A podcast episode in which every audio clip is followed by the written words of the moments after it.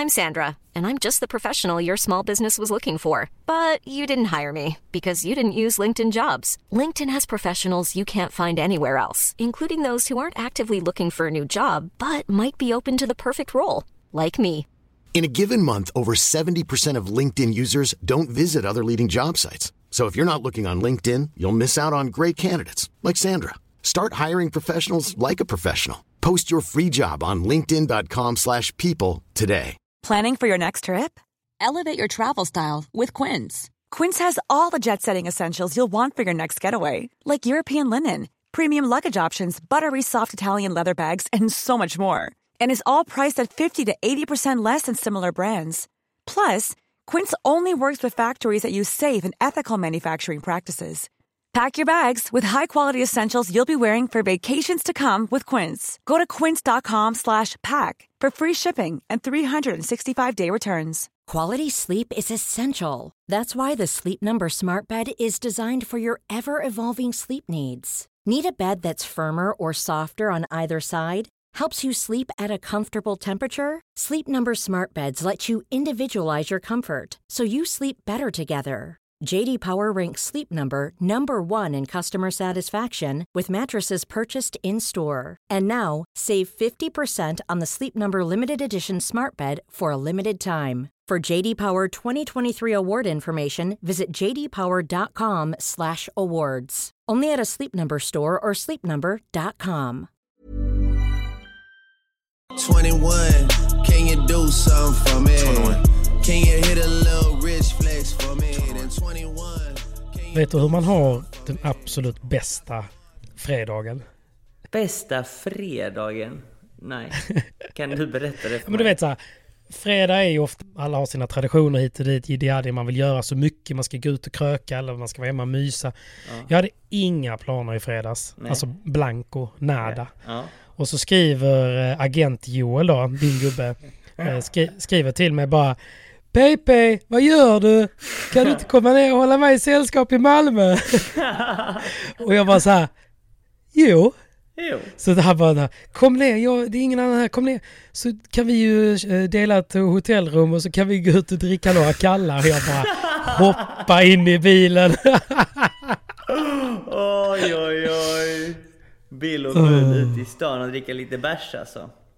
Nej men du vet, jag satte mig i bilen och jag slog något nytt rekord ner till Malmö. Så jag kom ju precis till eh, slutet av första set av eh, Galan Lebrons match där på fredagen.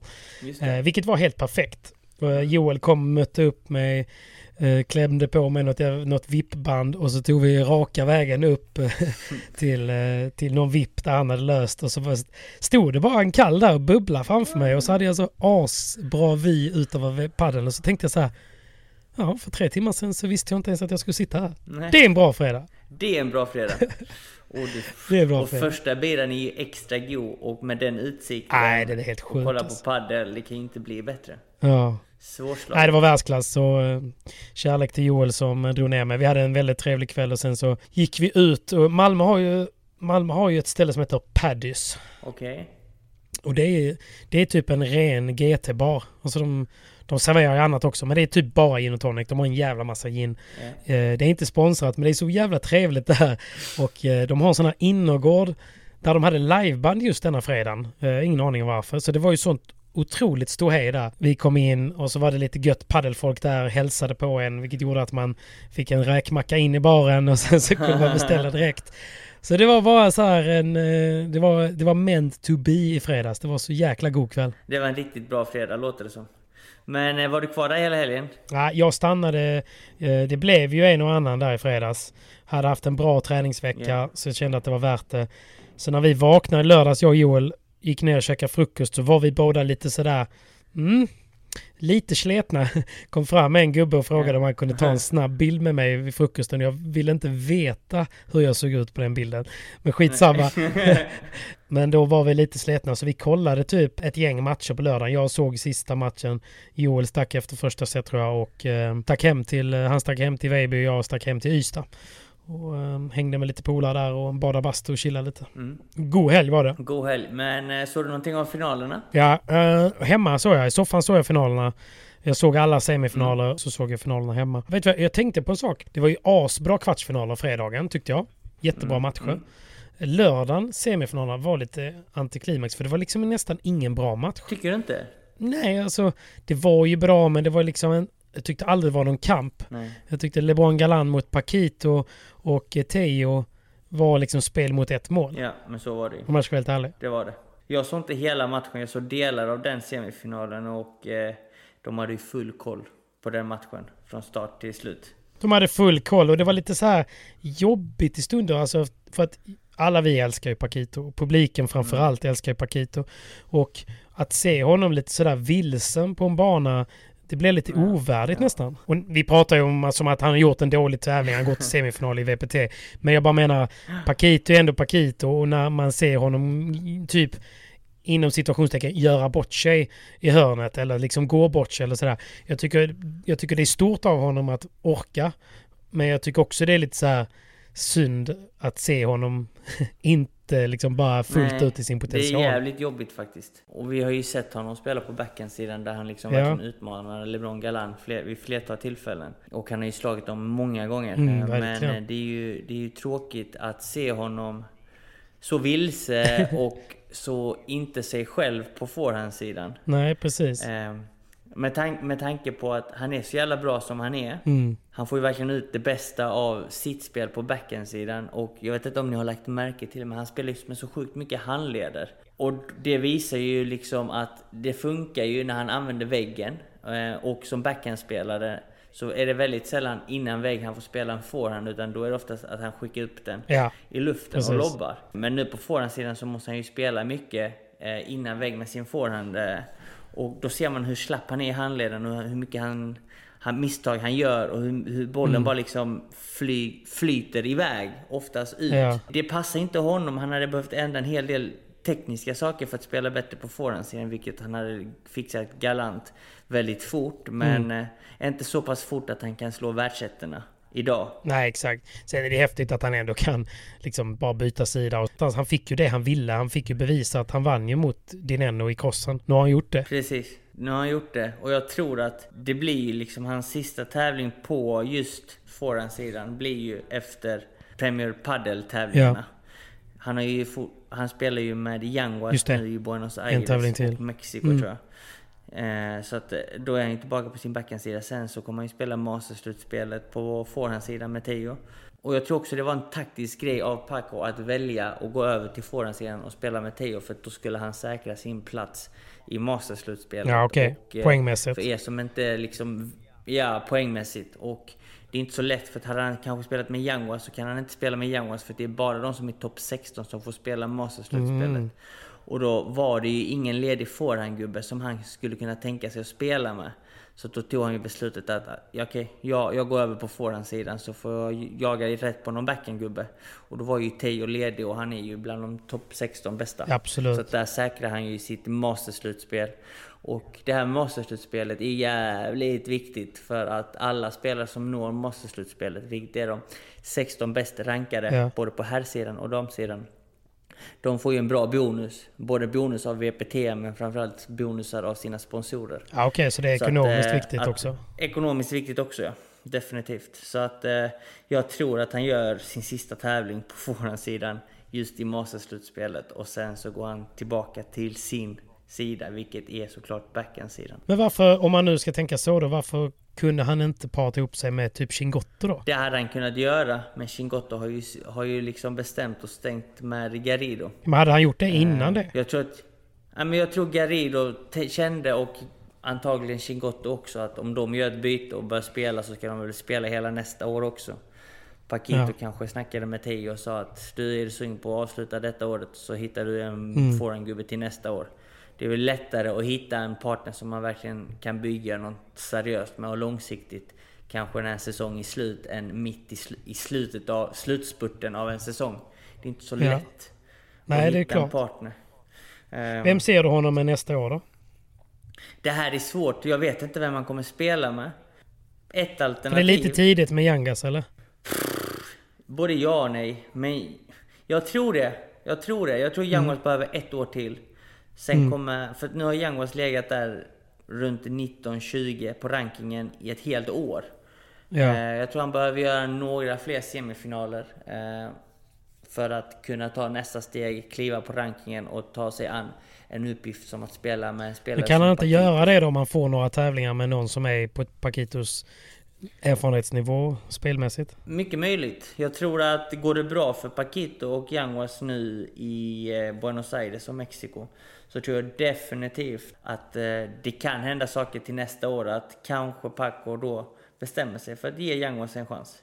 Det är inte helt omöjligt. Men det känns också som att jag tycker lite så här. Det känns som att Yangas vet detta och därför så går han in i varje tävling med en sån sjuk ny press. Förstår du vad jag menar? Ja, ja men definitivt. Alltså Yanguas vet att okej, ska jag spela med Paco nästa år då måste jag prestera på topp. Då måste vi i alla fall typ nå final kanske. Eh, Mm. Och då, då blir det liksom så här, okej jag måste nå final. Och då börjar han ju tänka att shit, då måste vi slå dessa paren fram till final. Mm. Jag har aldrig varit i final. Jag kommer få mycket boll eftersom de kommer lasta av på honom, antagligen. Jag vet inte. Men mycket sådana av de här tankarna tror jag snurrar runt i, i Yanguas skalle. Jag tror också det. Men du vet, jag tror inte det oroar honom alls. För att jag vet att Yanguas är sjukt stark mentalt och Mm. han är inte rädd för något. Alltså han är inte rädd för något alls. Så att jag tror ändå Yanguas kommer hitta en bra partner till nästa år. Och jag tror inte det är omöjligt att han kanske tar kanske ett år med typ en spelare som Maxi Sanchez. Innan han tar en topp-topp backhand-gubbe. För där tror jag liksom att Maxi Sanchez är en väldigt underskattad backhand-kille tycker jag. Mm. Eh, han var ju världsetta under två år med Sanjo och vann allting i princip de två åren. De var överlägsna. Men han spelar med Lucha Capra nu. Precis, och för mig är Lucho Capra sämre än Yanguas. Och alldeles för dålig för just Maxi. Okej, okej. Så att... Eh, Intressant. Jag tror att Maxi, Maxi har spelat med Lucho för att han inte riktigt haft andra alternativ. Mm. Men det kommer bli en del rockader. Eh, Ja. Nu, nu liksom så här. Nu vet jag inte om det blir så här. Men Nej, nej. Det är inte Spekulera fritt att. Paquit, Det är inte omöjligt att Paco kanske spelar med en Alex Ruiz. De är bra polare sedan gammalt. Just det. Och Alex har ju ändå spelat bra detta året med Momo Gonzales. Mm. Verkligen. Och det gör egentligen att Yanguas är ju ledig, Maxi vill ju lämna Lucho eh, för att han behöver en bättre Okej. gubbe. Och kanske ta en yngre talangfull kille Mm. som Yanguas. Det är Nej. inte helt omöjligt. Men det är bara spekulationer. Maxi har ju också, han börjar väl säsongen med att byta liksom partner efter varje tävling. Sen stannar han med Lucha Mm. sen dess då. Ja, precis. Men, eh, Han har inte ja. riktigt hittat där och eh, åh, det är svårt det där med partnerbyten också. Eh, Jag hörde att eh, vi ju komma in på han för Selingo gjorde ju en, en liten skrällinsats VPT Malmö. Mm. det gjorde han. Och eh, vad är det hans partner heter? Selingo spelar med Beloati. Just det, Beloat. Men där i alla fall hörde jag att um, Selingo skulle spela med Juan Martin Diaz nästa säsong. Aha, det visste inte jag. Det hörde jag faktiskt från eh, trovärdiga källor på spanska eh, i Players Lounge under VPT. Yes. Jajamän. Vem var det som sa det då? Ah, Ah, jag vågar inte hänga ut den ass. kom Du vet, då. har, det har ju hänt i poddens historia att vi har tagit upp eh, spanska rykten från spanska spelare som vi vet inte kan lyssna på podden.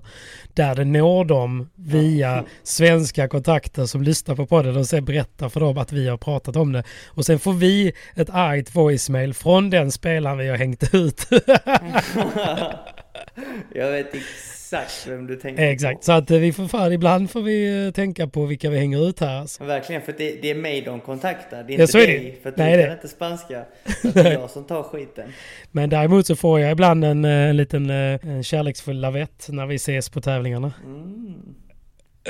Men eh, okej, vi, vi, vi hänger inte ut denna Nej, spelaren. jag hänger inte ut den. Men den är i alla fall, den tror jag kommer det- ske om inte något konstigt händer. Men å andra sidan gjorde det ju, gjorde de en väldigt, väldigt bra tävling nu under VPT och det var för mig, Mm. det var nog för mig den största skrällen på väldigt länge. Dels den, men också att Rubio och Arroyo nådde semifinal också. Ja, Den... Eh, det, men, men jag tycker inte den är lika stor skräll. tycker du inte det? Nej, jag tycker inte det.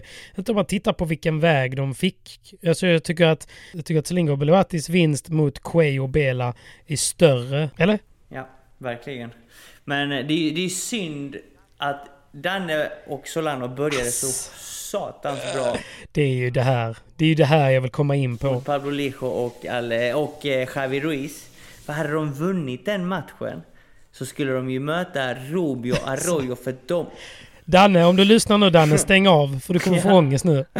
För då skulle de ju möta Rubio och Arroyo eftersom de slog sjukt nog eh, Momo Gonzales och Ale Ruiz. Precis. På pappret då så är det ju en drömmatch om man får säga. Alltså om man tittar på hur långt in i tävlingen det är på VPT. Så får han välja Danne så tar han nog den alla dagar i veckan. 100%. Alltså jag menar, Danne och Solano skulle för mig vara typ ett favoritpar om de möter Arroyo och Rubio. Ja men alltså jag tror att det hade gett 1,90 gånger pengarna typ. Ja, Liksom. precis. Jag tror att liksom Rubio och Arroyo, de har inte bättre egenskaper än vad Danne och Solano har. Så Nej precis. uff, jag vet inte. Å andra det sidan- kunnat öppna upp... Ja, jo men det är det, det som var lite, det som är kul och annorlunda just med VPT Malmö är ju just det här långsamma spelet och hur mycket det gynnar de defensiva lagen. Ja, För att de har tålamod, de har strategi och de, att de verkligen kan jobba sig in i en match. Och det går ju aldrig bara att, mm. att smälla hem matchen liksom. Om inte Nej, du heter LeBron och. Galan då. Men, men i övrigt så går det inte bara att göra det. nej, det går ju inte det. Jag såg någon duell där mellan Selingo och Rubio. Eh, just den kvartsfinalen där de bara stod och spelade rakt på varandra Ja. i evigheter. Ja, den är sjuk alltså. Men men, det var ju ändå, det är ändå kul med nya par i semifinaler. Svinkul. Det var kul. Absolut. Men jag tyckte bara att matcherna... Sen är det du vet i den sista matchen också, Selinga mot Gonza där. Det blir ju sent. Och då har de ju lärt sig från förra året när de la eh, Paquito sig sist på fredagen. Att ingen var ju kvar för att alla måste ju tyvärr gå och käka liksom. Och det var ju samma vid den här matchen. Folk kollade max ett set och sen tömdes arenan. Det var ju inte den tändningen men det var ju mycket folk där och det var ju Mm. många experter på läktaren som var så här när de såg, och de hade ju ingen aning om vem Rubio är liksom, för de har ju aldrig sett honom så här Nej. långt in i en tävling liksom. Så de bara så, alltså, ja, han där, eh, Gonzales, han har ju inte så bra overhead, men han missar väldigt lite.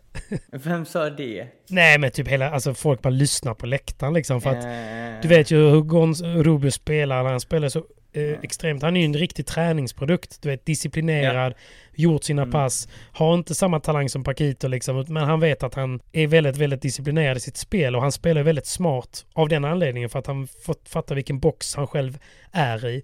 Så att Ja. han spelar hela tiden på rätt ytor, han tar minimalt med risker.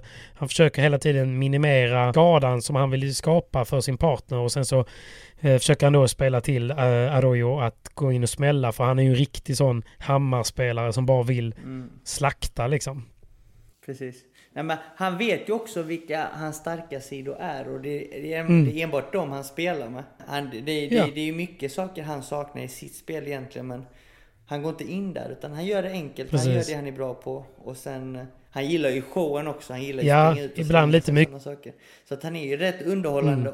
Han är rolig att kolla på. Väldigt. Men eh, i vilket fall, Så att, eh, slutändan. Tillbaka till Danne. Han skulle ju mött dem. Och Ja. hade ju antagligen, hade, om vi säger hur vi lever i en hypotetisk värld, säg att han hade vunnit den, då hade vi liksom haft Danne och Solano i en semifinal på VPT Eventuellt. på hemmaplan. Jo, jo, nu pratar vi hypotetiskt. Ja. Fattar du den arenan? Alltså den hade varit eld Fattar du det hade kokat? Den hade varit eld. Fy fan. Varje gång han hade slått till bollen när de skrikit. Alltså Malmö Arena hade brunnit ner vare sig han vinner eller förlorar. Alltså, Jag vet. Det hade brunnit ner ju. Satan. Och de hade ju fått en ganska okej semifinal också. Om vi ska Ja. vara helt krassa. Tapia och Sanjo som har varit väldigt eh, up and down nu för tiden. Ja, Så alltså, att, eh, mm, det, Nej, man är vet tuff. ju aldrig. Det är ett tufft par, det är herregud. tufft. Ja. Det är ett tufft par, men... eh, Ja, ja, vi får hålla tummarna för nästa gång kanske. Det kommer, det kommer. det, det som är nice med, med VPT just på Malmö Arena är att till skillnad från Globen så är det nu mycket, mycket mer intim. Ja.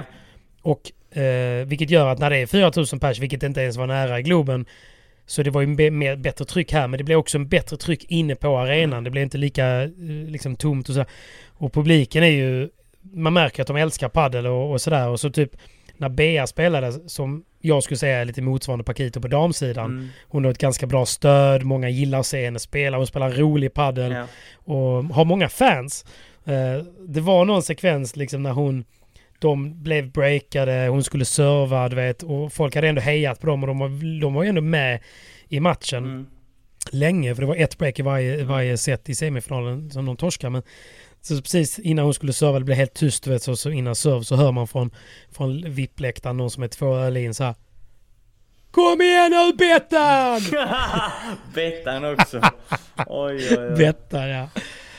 Ja, nej men det var, det var många sådana. Ett tag så var ju det tyvärr lite mycket, alltså så här från, från olika delar av läktaren där man märkte att folk var fulla liksom och inte respekterade spelarna och de liksom till och med så här mitt i bollen innan liksom Tapia, alltså varje gång Tapia laddade eh, för typ mm. att smasha eller fejka någonting så bara wow, wow, satt folk och höll på så, mm. du vet samma. Alltså det var så att man själv skämdes liksom, man bara hoppas inte liksom att spelarna går av banan eller mm. något liksom. Alltså stundvis. Men, eh, men övrigt, det är ju så det blir. Det är ju en hårfin gräns. Folk behöver ju bärs för annars så sitter de knäpptysta. Och eh, när de får för många så blir de, spår de ofta ur. Så att det, det är den där balansgången man får, eh, man, man, får hitta. Men, eh, men det var ett eh, bra arrangemang och det hade ju varit så fett att se någon svensk gå långt. Men det kommer komma. Det kommer, det kommer komma. komma. Men ja, precis. Jag drog ju till Italien och spelade en ja, vad kan man säga, en pengatävling slash invitational tävling. Ja. Så jag, jag drog ju redan... Det är gött att klämma in. Precis, jag drog redan på torsdagen. Men jag såg ju på bilderna mm. och eh, lite bilder på Instagram. Vad var det? Lördags ja. och söndags. Att de hade öppnat upp hela vägen upp på arenan och det var ju smockat. Alltså det var ju fullt. Ja, ja, det var jättebra. Så att... Eh... Jag tror det var 6000 någonting. Så det var, det var ju snäppet mindre än förra året när det var VPT, men fortfarande jättebra.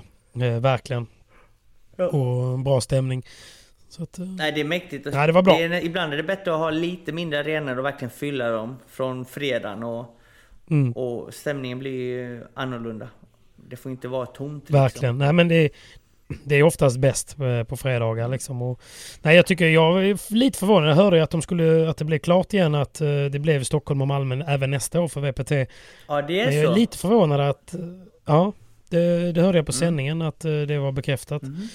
Mm, men jag är lite förvånad för jag tycker inte att Stockholmsarrangemanget var lyckat från något perspektiv. Alltså det var ju varken så här det var ju inte bra för arrangörerna, alltså det var inte, eller för utställarna, för det, ja, det var inte bra. Och eh, det var ju inget publik, ingen publik för att jag tror att konkurrensen i Stockholm är lite för stor. Mm. Alltså vad det gäller att dra folk.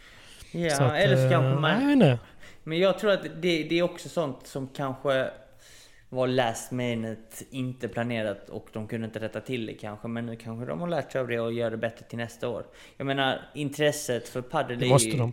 gigantiskt i Stockholm. Så att det är ingenting som tyder på att man inte kan fylla en arena där. Utan det är väl bara egentligen Nej. logistiken. Och nu senast så hade de den här, eh, vad heter det? Paddelgrejen ute på Expo också. Vad var det? Så här, eh, mm. Utställning. Precis, samtidigt. Ja, paddelmässan ja. Paddelmässan och det är också så här, oh, otur med tajmingen. Men eh, nästa år så kanske det inte är så. Och eh, det sägs ju också att den nya VPT-touren som ska kicka igång förhoppningsvis nästa år. Där alla, nu mm. vet vi inte hur det blir, men arrangörerna snackar om att det ska vara utspring redan från Prix Previan. De kommer göra huvud, okay. eh, huvud eh, tävlingen lite större, så fler par kommer direkt in i huvudtävlingen. Det blir fler matcher. Eh, samma förutsättningar för kvalare som huvudtävlingsspelare när det gäller spel utanför buren. Och det gör egentligen att man kanske redan spelar på typ kanske... Det är mer underhållning. Ja, men, och mm. framförallt att man spelar inte på klubbar när man spelar kvalet utan man verkligen spelar på arena när man spelar kvalet också. Så att... Eh, för det är ju skillnad. Det är jävligt stor skillnad. Att spela på arena och spela på klubb. Och VPT har ju steppat upp nu. De har ju gett oss spelare ett nytt förslag. Eh, som gäller okay. från och med nu till fem år framåt. Och de ska ju ha... Är det bra då? Det är bra. Det är väldigt bra. Det är mm. snäppet precis under Premier Padel. Nästan bättre än Premier Padel. Eller det är bättre än Premier Padel. Rent ekonomiskt pratar du då eller, eller vad? Ekonomiskt och proffsigt tycker jag. Det, det är bara att de, ja, ehm, okay. de vill ha liksom lite för mycket ensamrätt om spelarna. Men eh, ekonomiskt sett så är det bättre än Premier Padel. Och wow. eh, nej, det, det, det håller på att hända saker. Frågan är vart spelarna väljer för sida. Eh, VPT kommer också även lägga till 12 kameror som kommer funka mer eller mindre som Hawkeye. Jävlar. Vilket innebär att det är mycket lättare Spännande. att se en videogranskning för att i dagens teknologi som Mm. de använder är ganska kass. Man får inte ens se vilka det är som tar beslutet och vilka kameravinklar de får. Men nu kommer det bli mycket, mycket bättre. det. Så att eh, det, det kommer ske förbättringar, det börjar hända saker. Problemet är nu att alla spelarna är väldigt splittrade. Och frågan Mm. är vad fan som kommer att hända.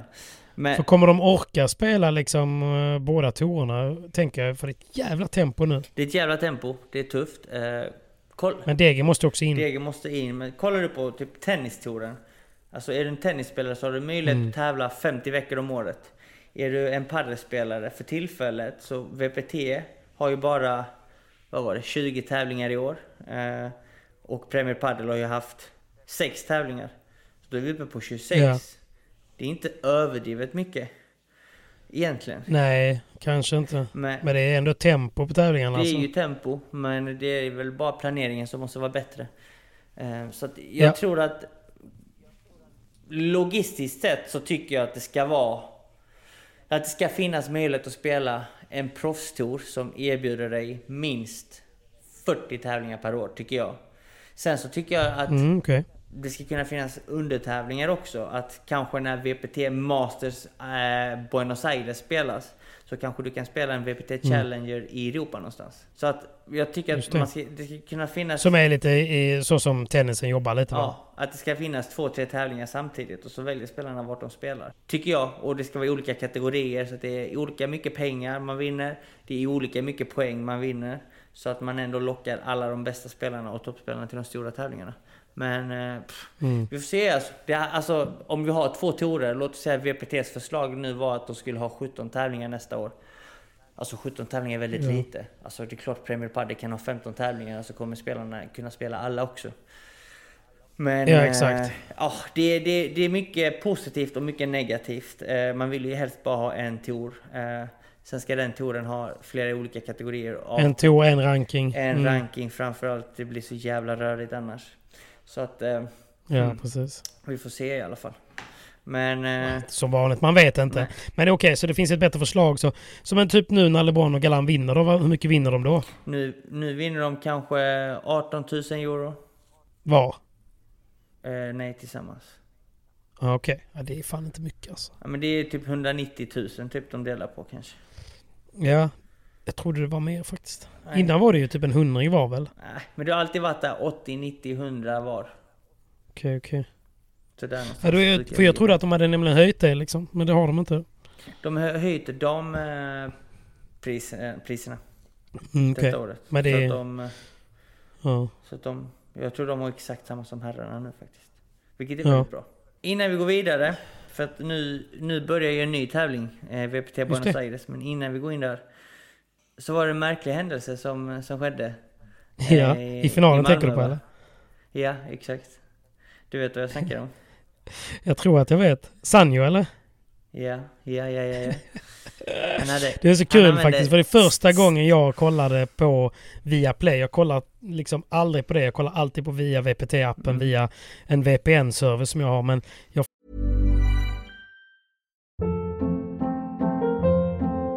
Hold up. What was that? Boring. No flavor. That was as bad as those leftovers you ate all week. Kiki Palmer here, and it's time to say hello to something fresh and guilt-free. Hello Fresh. Jazz up dinner with pecan-crusted chicken or garlic butter shrimp scampi. Now that's music to my mouth. Hello Fresh. Let's get this dinner party started. Discover all the delicious possibilities at hellofresh.com. Hiring for your small business? If you're not looking for professionals on LinkedIn, you're looking in the wrong place. That's like looking for your car keys in a fish tank. LinkedIn helps you hire professionals you can't find anywhere else, even those who aren't actively searching for a new job but might be open to the perfect role. In a given month, over 70% of LinkedIn users don't even visit other leading job sites. So start looking in the right place. With LinkedIn, you can hire professionals like a professional. Post your free job on linkedin.com slash people today. Fick inte det att funka den helgen och Pola eh, har, eh, han är multimiljonär så han hade råd med Mm. Viaplay. Så han, eh, han har- kollade på den. Så jag såg sändningen och då såg jag det. För, för de som inte såg det så var det ju så här att i finalen då, Tapia och eh, Sanjo möter LeBron och Galan. I en identisk match som de spelade semifinal förra året där Sanjo kontrollerade LeBron i crossen eh, ganska ordentligt i den matchen och han älskar ju de där långsamma när han verkligen får göra det. Jag tänkte att det skulle bli lite liknande nu. Första set och mig på spelhumör som fan. Men så var det någon sekvens i gamet där det var en golden point eller något liknande liksom. Precis innan serve så springer han ut lite så som, eh, som Kaje ofta gör du vet, på hemmaplan. Och Han, när Kaje tar lite så här grepp så sprang Sanjo ut och tog lite for-on spray som han har alltid stående bredvid sig för han tar nästan i varje sidbyte tar han for-on ju. Som en annan. Men, men då i alla fall så tog han det och så sprayade han på racketytan istället för på, för på greppet. Och det blev en enorm medial grej. Men du vet varför eller? Nej men grejen är att Sanjo håller fortfarande på att utveckla sina rack och han har varit jävligt missnöjd. eh, Ja, det har verkligen varit. med dem. För att han, han har inte varit så nöjd med utskiktet och han har känt att ytan är väldigt hal tycker han. Ja. Alltså att den glider väldigt mycket. Att han inte får grepp om bollen. Så att vi tränade en dag i Vienna då på hans ak- paddelakademi och då tog han fram sandpapper och började sandpappra ytan. Ja. Jag bara, vad fan gör du? Han bara, racket är svart, det kommer inte synas. Mm. Så han började sandpappra ytan lite, dra bort det översta skicket. För att han tyckte att han har ju en glansyta. Eh, Mm. Och att bollen bara gled på racket, han fick inte grepp om bollen. Så han började sandpappra och så började han spela, han bara fan det är mycket bättre nu typ. Så han har ju sandpapprat yta på sina, alla sina rack. Ja. Och sen så gick det någon dag och så när vi tränade någon vecka senare så ser jag att han bara, fan jag ska te-" Så ser jag att han tar eh, for on på, på greppet såklart, i lindan. Mm. Så han så han bara, hmm, vad händer om jag gör så här då? Ja, Och exakt. så sprayar han lite på ytan. Alltså inte alls mycket, bara lite grann. Och så börjar han spela, han bara, det här var ju bra ju. Så att sen dess har han nog gjort det. Han är perfektionist ju, han vill att racket ska vara perfekt. Och jag tror Mm. att ju fuktigare du är i själva spelet, desto mer halkar bollen på ytan. Jag kan ju få samma känsla, typ när man spelar Previa eh, och huvudtävlingen, då, får Mm. du, då, då är det bollbyte vart sjunde och nionde game. Så att det är, ju det, vi har, man Ja, har ju rätt många bollbyten och när man spelar på VPT så har man fyra bollar man eh, rullar runt på och inte tre. Eh, Just det. Så bollarna håller sig fräscha ganska länge. Men när du väl tar ut nya bollar, då brukar det vara så att du får den känslan att bollen halkar lite mer på racket. Och det är lätt hänt att man Mm. drar någon volley lite lång och man missar någon bandeja på längden för att bollen glider på racket. Man får inte grepp om bollen. Och jag tror att han visste om att bollarna liksom. var väldigt fräscha, väldigt nya. Så han bara ah, nu är det dags att spraya. Ja, okej. Så att eh, det är ett litet trix. Ja, och det roliga var att Emil Ljungåker då som är eh, den eminente flygande reportern under Viaplay-sändningarna. Han gick ju fram såklart till domaren för att kontrollera om det här är lagligt eller inte. För regeln är ju så att man får inte påverka racketytan eh, så som den kommer från fabrik eller något sånt där lyder den liksom.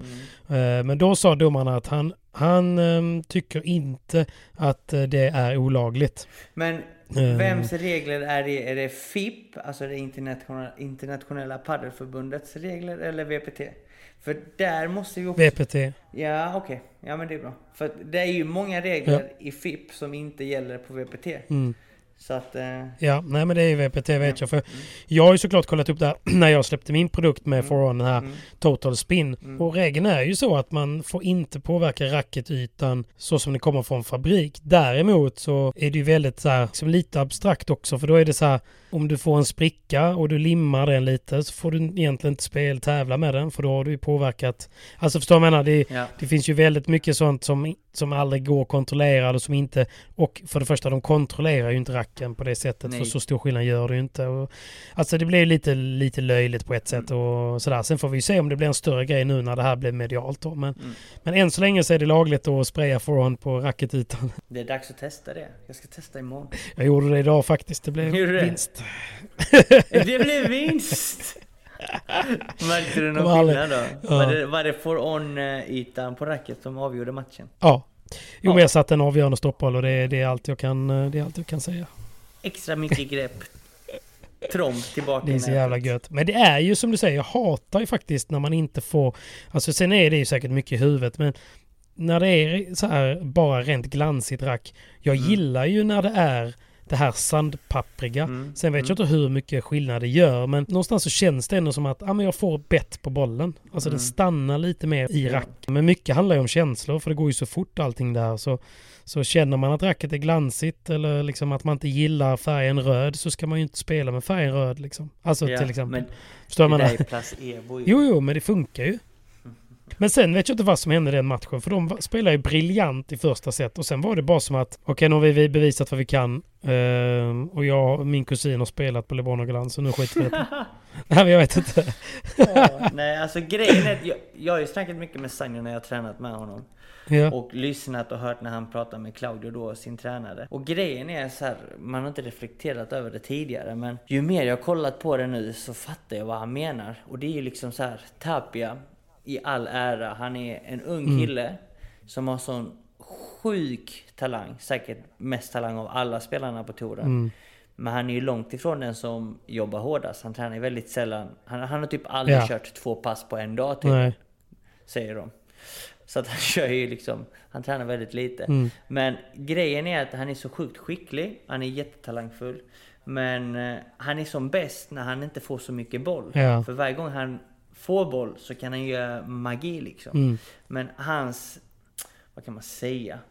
Hans svaga del och och det han är lite sämre på det är när han får mycket boll och tar ansvar. Och inte bara ska avgöra bollar, kontra bollar eller rädda bollar utan mer när han måste bygga upp spelet. Eh, ha en strategisk plan för att vinna matcherna. Och när han får ta det där ansvaret själv så tycker han att det är mycket, då är han mycket sämre. Han spelar så mycket sämre när han måste ta ansvaret än om hans partner får mer boll. Han har mindre ansvar men han kan fiska lite om man säger så. Bryta in ibland, hoppa bakom och smasha, eh, springa ut genom buren och kontra och hålla med, med, den, med de delarna. Ja. Men han har svårare att, att bygga upp spelet. Och jag tror att många spelare på, på touren har lagt märke till det att när Tapia får mycket boll, Sanjo blir stillastående och inte får styra och bygga upp spelet som han gör.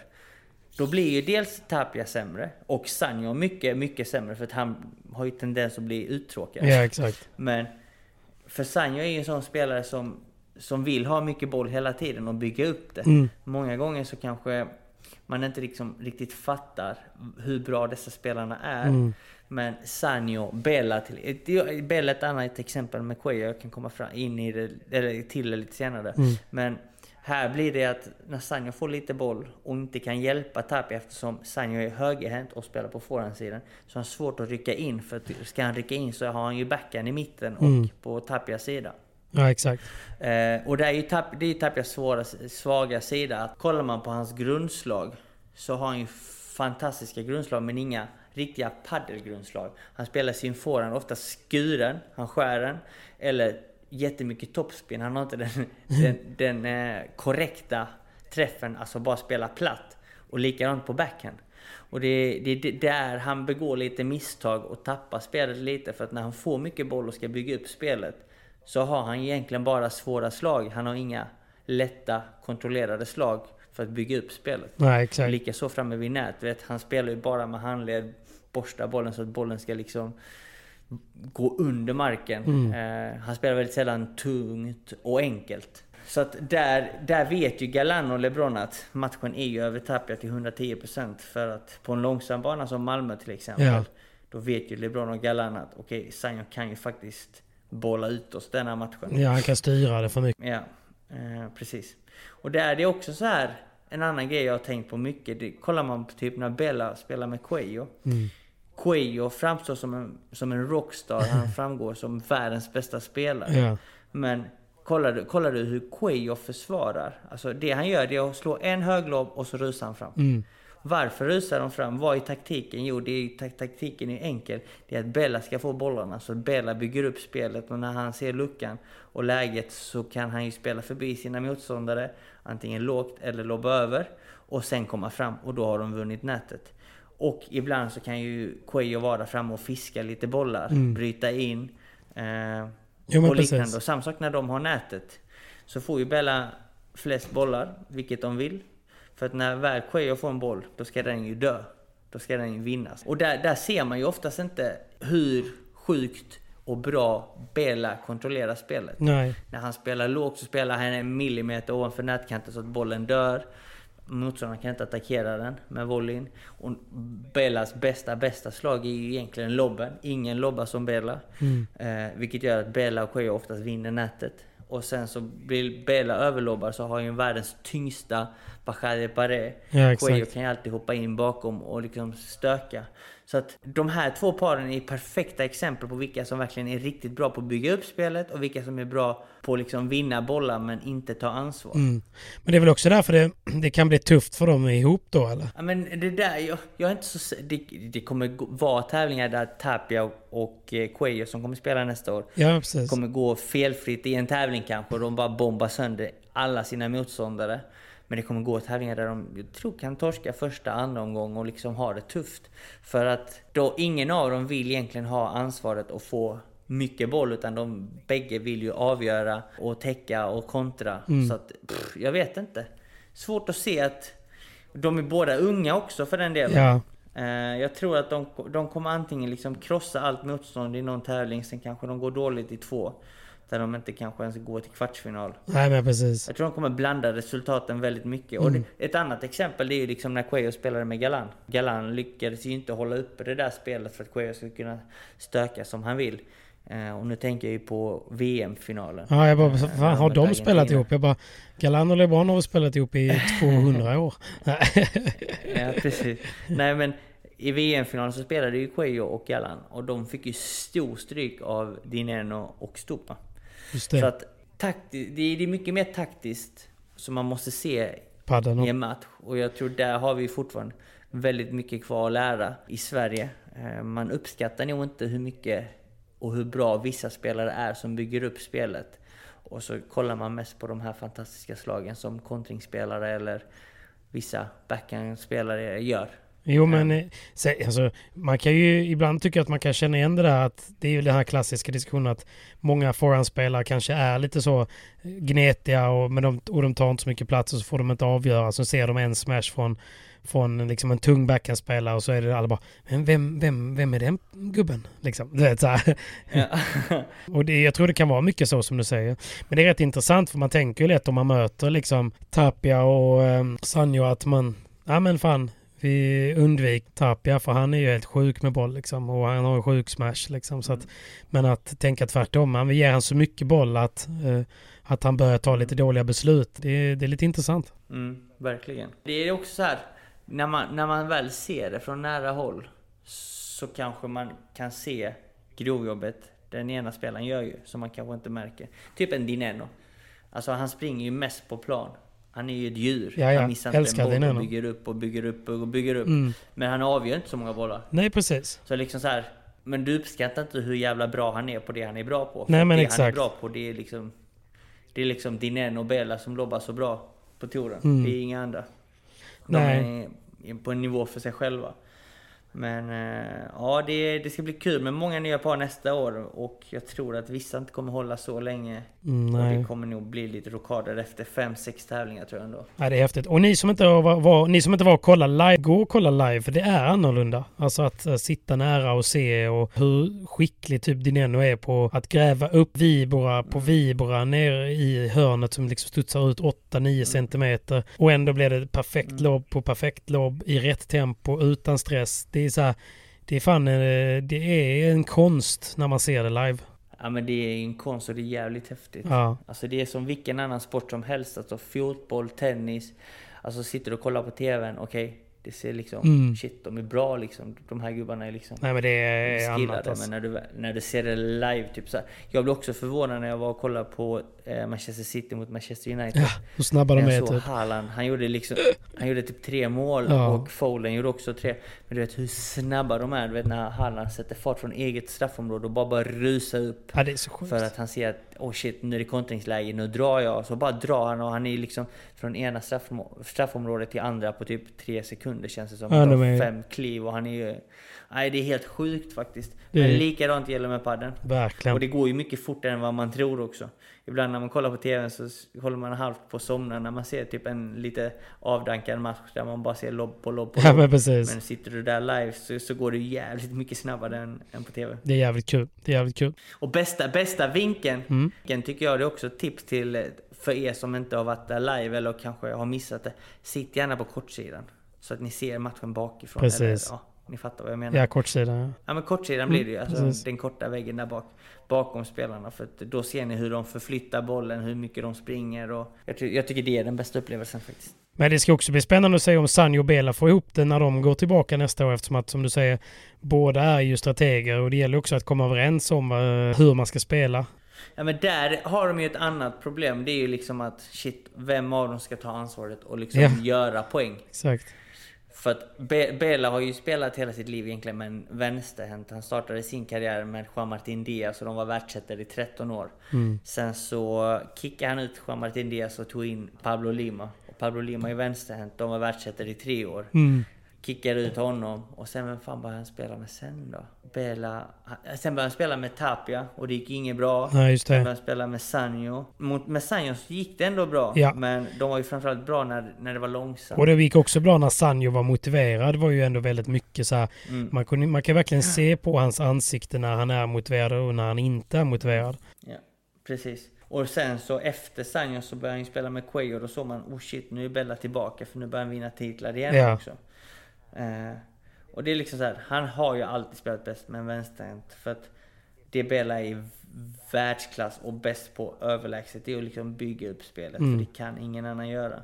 Man, man kan nästan säga att Bella är en fejkad forehandspelare på backhandsidan.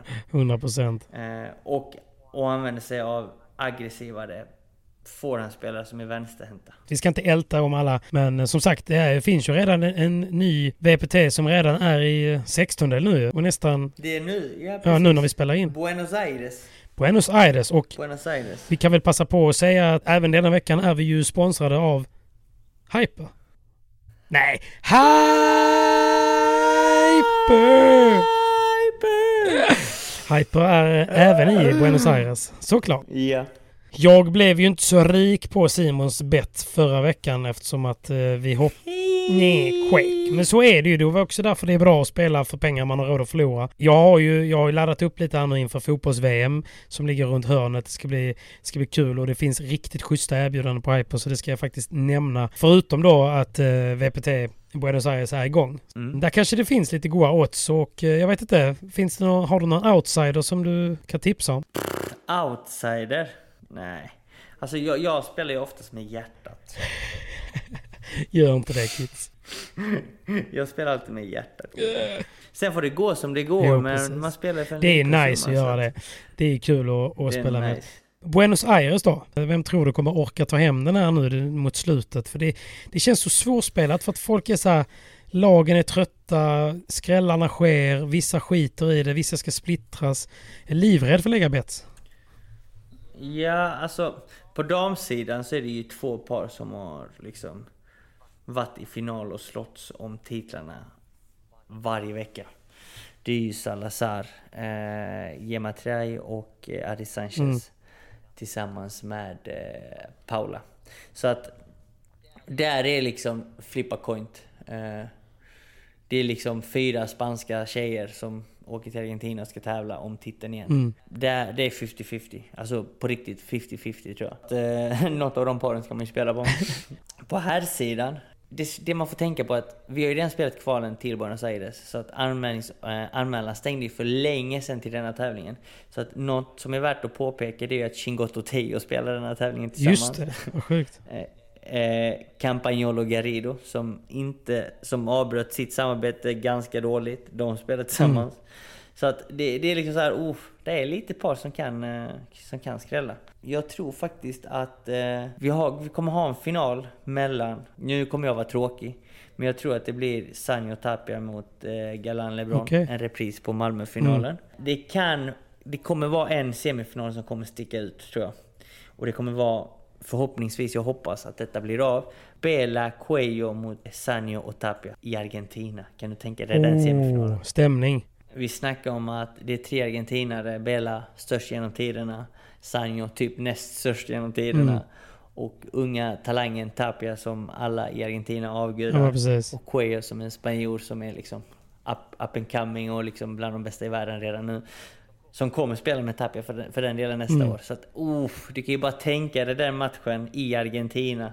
Kommer vara fullsatt kan jag lova dig och folket kommer gå bananas.